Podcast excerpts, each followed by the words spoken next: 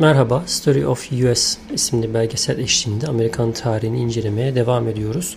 9. bölüm Bust başlığını taşıyor. Bu bölümde Great Depression diye bilinen döneme ışık tutmaya çalışacağız.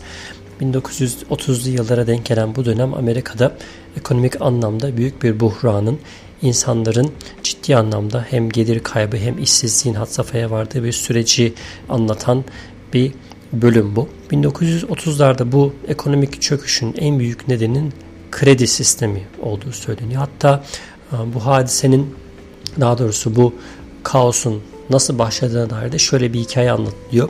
Bir tüccar bir gün bankaya gidip bankadaki işte parasını almak istiyor veya hisselerini satmak istiyor. Banka buna izin vermiyor. Bunu duyan diğer halk aynı taleple bankaya gidiyor. Bir anda 20 bin kişi işte kulaktan kulağa yayılınca paralarını çekme talebiyle bankada soluğu alıyorlar ve banka ciddi anlamda bu insanlara paralarını vermekte zorlanıyor. Ertesi gün banka iflas ediyor. Şimdi tabii o dönemde, o günün şartlarında Amerika'da bugünkü gibi bankacılığı denetleyen bir kuruluş yok veya herhangi bir banka iflas ettiğinde o bankayı işte devletleştirme veya borcunu bir şekilde devlet üzerinden kapatma gibi bir durum da yok. Kısa sürede Amerika'daki bütün bankalar aynı durumda karşı karşıya kalıyorlar. Bir anda herkes parasını çekmek istiyor. Bankacılık bitme noktasına geliyor Amerika'da.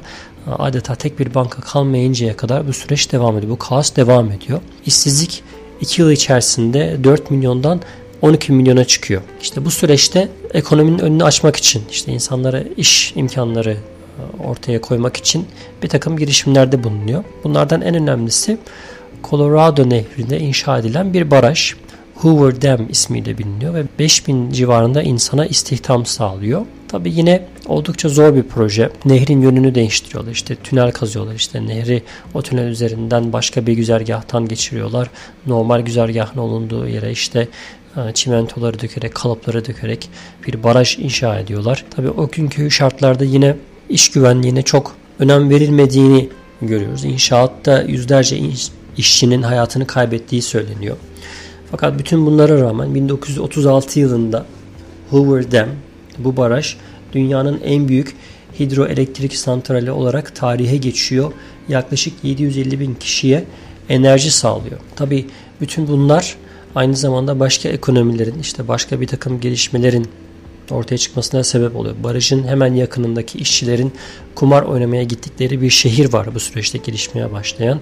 Hepimizin çok bildiği Las Vegas şehri. İşte bu dönemde bu yoğunluktan, bu talepten dolayı artık e, ciddi bir eğlence merkezi olmaya başlıyor. Belgeselin ikinci kısmında bir toz fırtınasından söz ediliyor. Hatta buna ciddi anlamda e, belgeselde yer ayrılmış. 1934 yılında nereden çıktığı bilinmeyen bir toz bulutu belirmeye başlıyor Amerikan semalarında. Bir fırtınaya dönüşüyor bu. Tarlalar bundan etkileniyor. İşte yağmur yağmaz oluyor. İşte günlerce süren toz fırtınaları yüzünden insanlar hastalanıyor. İşte çiftçiler çalışamaz oluyor. Özellikle Orta Amerika'yı ciddi tesir altında bırakan bir fırtına oluyor bu. E bu süreçte pek çok insan oralardan ayrılıyor. Farklı eyaletlere göç etmeye başlıyor.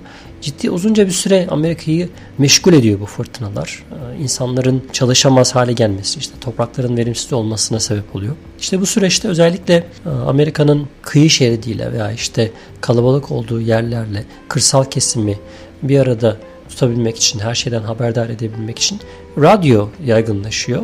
İnsanlar evlerinde mutlaka bir radyo bulunduruyorlar. Bu süreçte farklı bir şey yapma düşüncesi var yine Amerika'da. Bunlardan bir tanesi de Mount Rushmore olarak bilinen hepimizin bir şekilde hafızasında kazınmıştır. İşte dört Amerikan başkanının işte dağ e, portrelerini yapıyorlar. İşte dağdaki kayaları oyarak orada e, bir nevi bir heykel, büyük bir anıt oluşturuyorlar. İşte bu aslında özgürlük anıtının her ne kadar Amerika'ya ait bir sembol olsa da işte Fransızlardan hediye edilmesiyle birlikte kendilerine ait Amerika'yı anlatan ve uzun yıllar unutulmayacak bir anıt yapma düşüncesiyle neredeyse bir piramit büyüklüğünde bir projeye başlıyorlar. Bu dört başkanın ismi şöyle Washington, Jefferson, Lincoln ve Roosevelt. Bunların portreleri bu dağa kazanıyor. Belgeselin bir diğer kısmında 2. Dünya Savaşı artık başlamaya başlıyor. Hatta bir sonraki bölümde 2. Dünya Savaşı'na biraz daha derinlemesine gireceğiz. Amerika ve Almanya arasında geçen bir boks müsabakası bu esnada aynı zamanda hani savaşa paralel olarak gerçekleşen bir müsabaka. Boks müsabakasında ilk defa bir siyah Amerikalı Amerika'yı temsil ediyor. Bu anlamda Amerika her ne kadar işte segregation dediğimiz, ayrımcılık dediğimiz siyahlarla beyazların aynı ortamda olmalarına müsaade etmese de ilk defa ülke olarak bir siyah Amerikalı üzerinden gurur vesilesi yapıyorlar. Hatta tam savaş sürecine denk geldiği için ilk müsabakada siyah Amerikalı kaybediyor. İşte bu yüzden hatta Hitler e, onun ırkını aşağılayıcı bir takım ifadelerde bulunuyor. Yani bu ciddi anlamda Amerika'nın hani gücüne gidiyor, insanların zoruna gidiyor. Bir müsabaka daha hazırlanıyor ve ikinci müsabakada bu sefer Amerikalı müsabakayı, boks müsabakasını kazanıyor. Hatta ismi Joe Louis olarak geçiyor.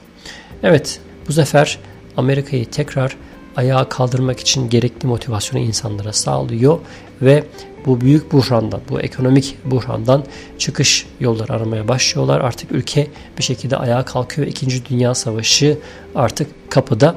Ekonomiyle birlikte yeni gelişmelere gebe.